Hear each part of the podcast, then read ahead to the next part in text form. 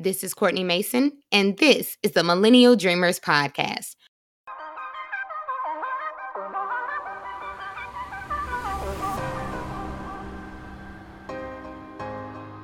Good morning, friends. I hope you are doing fantastic. I'm starting, gonna try this over again because I recorded this episode last night and I woke up this morning like, yeah, I don't like the way my voice sound because it was super late and I sound really sleepy when it's late. So um, here I am again this morning recording, and we're just going to jump right into today's topic. So, if there's one thing that I think us folks who are in our you know late 20s 30s um, even 40s that we can agree on it's that the elders in our family are hard-headed right it's like we're now in a position to fuss at them for doing what they need to do and taking better care of themselves. I can talk to a number of my friends and colleagues, and I'll hear something like, I had to fuss at mama today because she was in pain and she didn't tell anybody about it. Or, I had to take my grandpa down to the doctor's office and pick up his prescriptions while I was on my lunch break. Or you may also hear something like, you know, Aunt Maxine, my Aunt Maxine passed away recently. She didn't have a will or anything in place, no life insurance policy, and now her her children are kind of scrambling. They don't know where things are, and it's been really challenging. You know, we're just at that point where we have to advise and worry about and care for and handle the affairs of our aging loved ones. Which is why it's really important that we are educated and informed on how we can help them plan for their future and organize their affairs today's topic came like many other topics it came from conversations that i had and it made me realize that there are things that we can do to prepare ourselves and our loved ones. So i did my research on it and there's so many articles that i read and i made notes from um, but also the national institute on aging has a lot of helpful information that i use to compile the lists that i will discuss uh, briefly. So if you have questions google national institute on aging and see if they have any information that might be helpful for you. But I wanted to start out with identifying what documents or what information should our loved ones have gathered together. Excuse me. So that's the very first thing. And to, before I get into it, you might want to grab a notepad and a pen for this because it's information you would want to r- write down and then you can share it with friends or family, you know, someone that might be going through a similar thing. They may have a loved one who um, is in has questions about these things. So write down this information, but you can always come back to it or share that episode as well.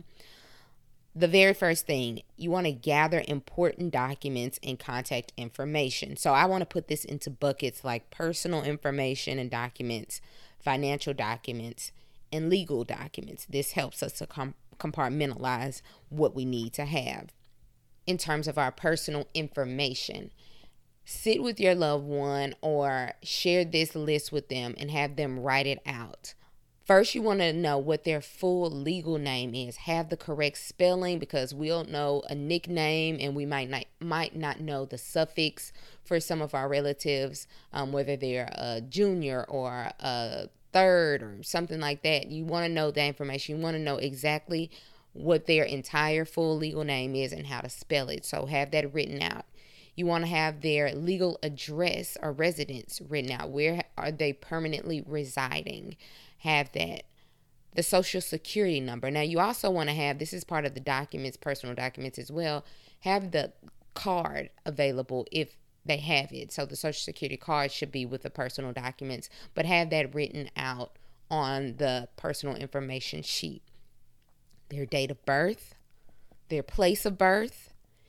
Um, that's kind of like the basic information you want to have written down because it may or may not be on a specific document that you can find quickly. It should be, but you want to just have that initial personal information written out in terms of their documents, their birth certificates, marriage certificates. If they've been married but they're divorced, if there's that whatever paperwork associated with their divorce, um, citizenship papers. You know, some relatives may not be living um, in the country in which they were born, so citizenship papers. the names and addresses of their children, um, all of their children, uh, deceased or alive.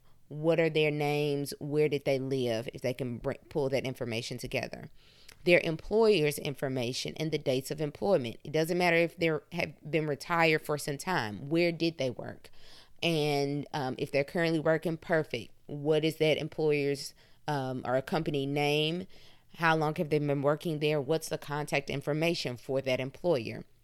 And then the medications that they take regularly. Some of our loved ones have so many different um, ailments or issues that they're taking a number of different medications, you want to know what that is so that you can help them later if you're going to doctor's appointments or um, a physician of some sort contacts you to ask or they just need your assistance. Make sure that you know what medications they're taking regularly so that you have that list and they've written it out. One of my friends told me recently, she was like, I'm not playing with my mom and daddy. I went home recently and I took pictures of all of their medications. So I have my own list because I will not be going into a doctor's office blindly and not knowing what's going on. So definitely have that. And then also uh, the contact information for close friends and relatives. You want to have their name and phone number or email or something or their address. I know my grandmother keeps a book, an address book where she has everyone's name, address, mailing address. She doesn't do email, but she has our phone number. So if she needs to reach out to someone or if someone passes, she can contact that person and say, Hey, I just want to let you know that, you know, this family member passed. So have that information. Um, it might take some time to gather, which you don't have to sit down and do everything and put all this information together at once, but you want to get started with it and help them because it might be overwhelming for an elder to pull all of this information together. So if you write out a list and just help them walk them through it you know maybe one one day each week say okay let's let's work on tackling this and then we'll deal with some of the other stuff that will really help them pull this together in terms of the financial documents you want to have whatever the sources of income and assets you know pensions from the employers 401ks and iras and things like that again social security and medicare or medicaid information all insurance documents. You want to compile those life insurance, health insurance, dental, um, long term care, their home insurance, car insurance. Have all that information if you can gather that together so that it includes their policy numbers and the names of the agents, the contact information. So in the event that something happens, you're not searching for it, it's all in one place bank account information. Uh, the names of their banks, account numbers, whether it's a savings account, a checking account, um, a credit union account, all of that. Any investment incomes, do they have stocks and bonds and property? What paperwork do they have associated with with that investment income?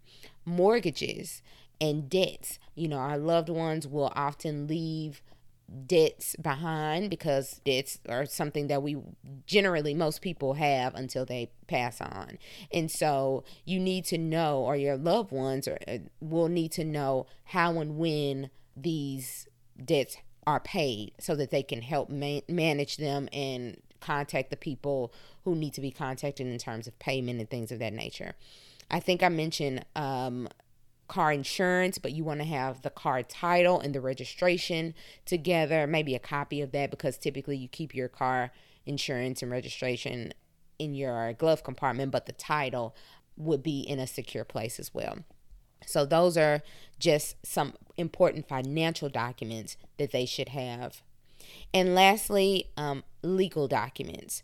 So, there are a number of legal documents, and I've had to talk about this with family members. I, I remember having, like, um, at a family reunion, I was responsible for kind of giving the baseline information on this. But you definitely want to either, if you can't contact an attorney, do some research on these things that I'm going to talk about because there are a lot of nuances and there are state laws that you need to be aware of, but it's really not so daunting. So let's get into it. The first legal document is one of the most important estate planning documents that any of us can have, right? But you want to especially emphasize creating one for your elders. That is a last will and testament, right? Because it details where you would like your property to go after you transition or after you pass. When someone dies without a will, they are said to have died intestate. With no will to refer to, administering an intestate estate and determining who gets what is governed by the rules on intestacy, which is established in state law, so wherever you live. This can be very complex because it considers, you know, whether you have a spouse um, and children, whether you have siblings, are your parents alive, all of these different things.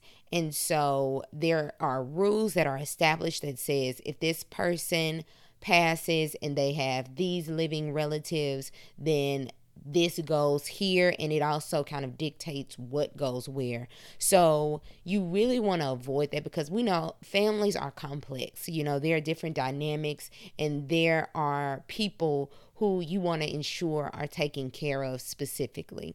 Um, whether or not your um, elder relative has stepchildren or they were married a second time or uh, they passed and um, they were caring for a niece or a nephew and they wanted all of their um, property or, or effects to go to that person whom they cared for or who cared for them. That is something that you want to make sure you have control of, and your elders will likely want to make sure they have control of those things as well.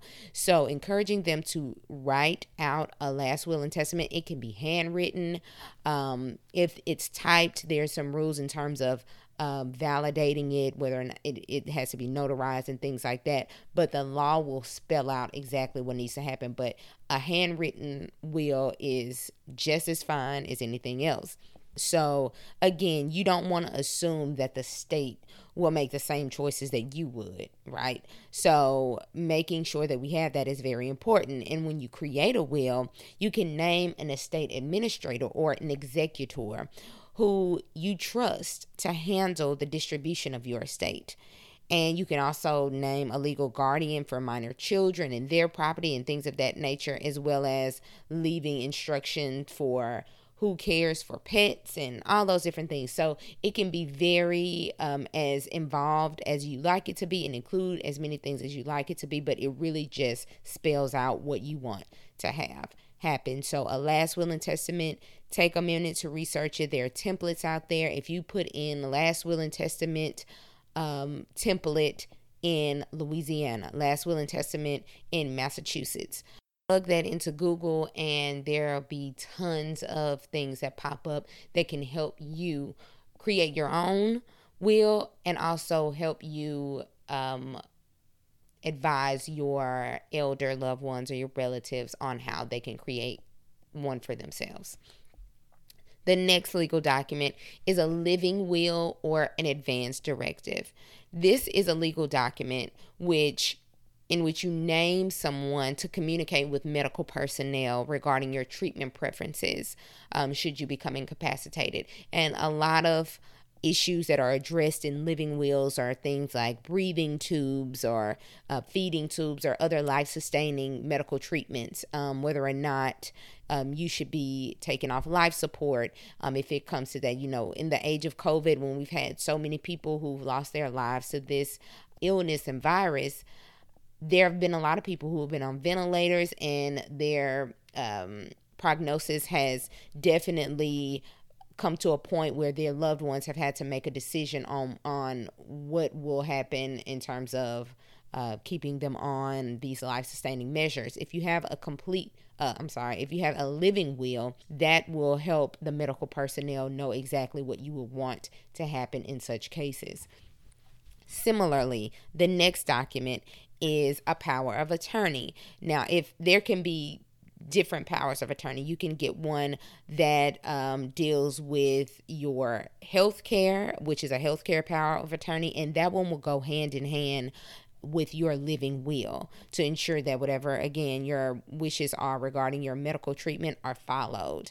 Um, but you can also have a financial power of attorney for financial decisions. So, Google power of attorney um, to determine which one you need and put someone in place that you trust that can uh, make those decisions for you if you become incapacitated at some point or you just want someone to to make those decisions for you um, in certain situations.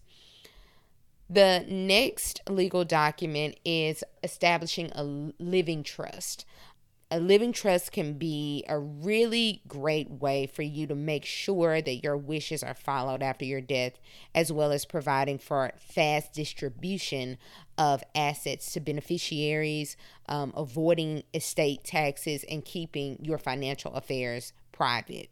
So, with a living trust, the grantor, whether it's you or the elder that you're advising, they retain control over any property that's placed within that trust throughout um, their lifetime or throughout your lifetime. So, upon your death, your pre chosen successor trustee will gain control of the trust and they will then distribute your assets according to your instructions. This helps to bypass the probate and save time and money for your loved ones. So, definitely look into a living trust to see, you know, what options are available and if it's something that would make sense for you and or your loved one to have a living trust where you can kind of really have a handle on where things go and just make sure that uh, there's just a lot of different benefits to having a, a living trust versus just having a last will and testament. So those are the legal documents that you want to have and we've talked about personal information financial information instruct your your family member to put all of this information in a safe and secure place somewhere where they can go and um, put their hands on it quickly somewhere that they can instruct uh, whomever they trust that my important documentation and personal information is in this place and you can access it by doing this. If it's a you know a key that's necessary to get into a safe that trusted person knows exactly how to get that information. So have them put all of this information in a safe and secure place so that they can get their hands on it. You also want to make sure that they make copies of it, okay? Because after you've gathered all of your estate planning documents, it's necessary that you store the originals and have copies maybe somewhere else such as a fireproof safe in your home or a safe deposit box. This will help in case something happens because, you know, life happens. Someone you might have gathered all this information or they may have gathered all this information and unfortunately your home experiences some fire damage or flood of some sort like we've seen recently with hurricanes and you know fires in California and then it's destroyed. If you have um, these documents somewhere else, a copy of them, then that kind of helps you to avoid that. The next thing you want to do is make sure that you update your beneficiaries. If your loved one has life insurance or retirement accounts, pensions, pay on death or transfer on death accounts, you want to make sure that the beneficiaries are up to date because these accounts transfer according to the beneficiary designation. Um, and the last will does not control them. So you may have something that, you know, in your life insurance policy, there's um, one named beneficiary, but you might identify in your last will and testament that your life insurance proceeds will go to someone completely different. Your the last will in that situation will not govern. They will it will defer to what you have named in the actual policy. So make sure that your loved one is looking at those policies and updating them where necessary because sometimes things change. They may have a spouse on it whom they later divorce, and they want to make sure that a child is the beneficiary or a sibling. So inform them to do that and make sure that they take time to um, review so that the those policies reflect exactly who they want to be the named beneficiary. the next thing is um, after you've done all of that, you want to make sure that um, you're talking to your loved ones about it. So they would inevitably talk to you if you are helping them prepare this information or bringing the information to them so they can prepare for themselves. But talk to other family members as well, um, just sharing it. And it will be good for them to maybe talk to their siblings. You know, if it's your grandmother and they have living brothers and sisters, you know, encourage them to share that information with their siblings as well because um, they may not have a grandchild um, or anyone who can help them. So everyone should be talking about this and sharing this information so that it can be put together and everyone has a means of reducing the stress that comes after or you know someone transitions and you're trying to take care of their affairs.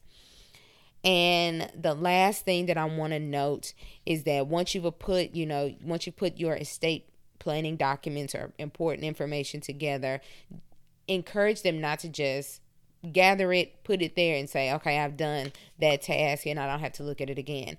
There needs to be a time every year, at least once a year, where they take out that box, they take out that safe or whatever, and review everything to make sure that it reflects exactly what they want. Because things can change again, just like when we talked about the updating the beneficiary information, things change and um, you might see something that is like a glaring mistake that needs to be revised immediately. So have a calendar date for um, once a year. I wouldn't say, you know, sometimes in, in my research I read they recommend it maybe on your birthday, but who wants to think about that on their birthday, right? Um, maybe just like at the first of the year or something in January or at in the end of the year in December sometime.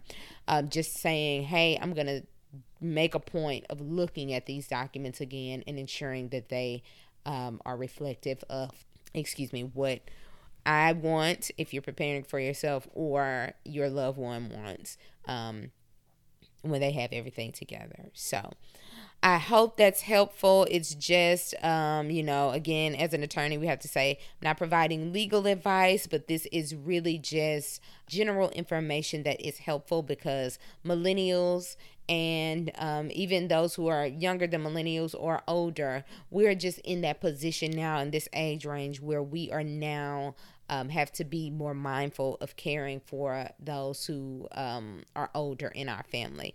So please do that. I hope this was really helpful. And if it was, share it with a friend, share it with a family member. And I'm sending you nothing but love and light. And I hope you have a fantastic weekend. Until we meet again or speak again, have a good one.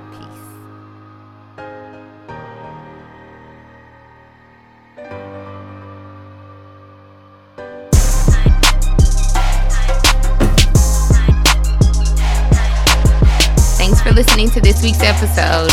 But before you leave, hit the subscribe button and leave a comment. We want to know what you think about the episodes that you've heard so far let us know by subscribing and leaving a comment. And again, thank you for tuning in. We'll talk soon. Peace.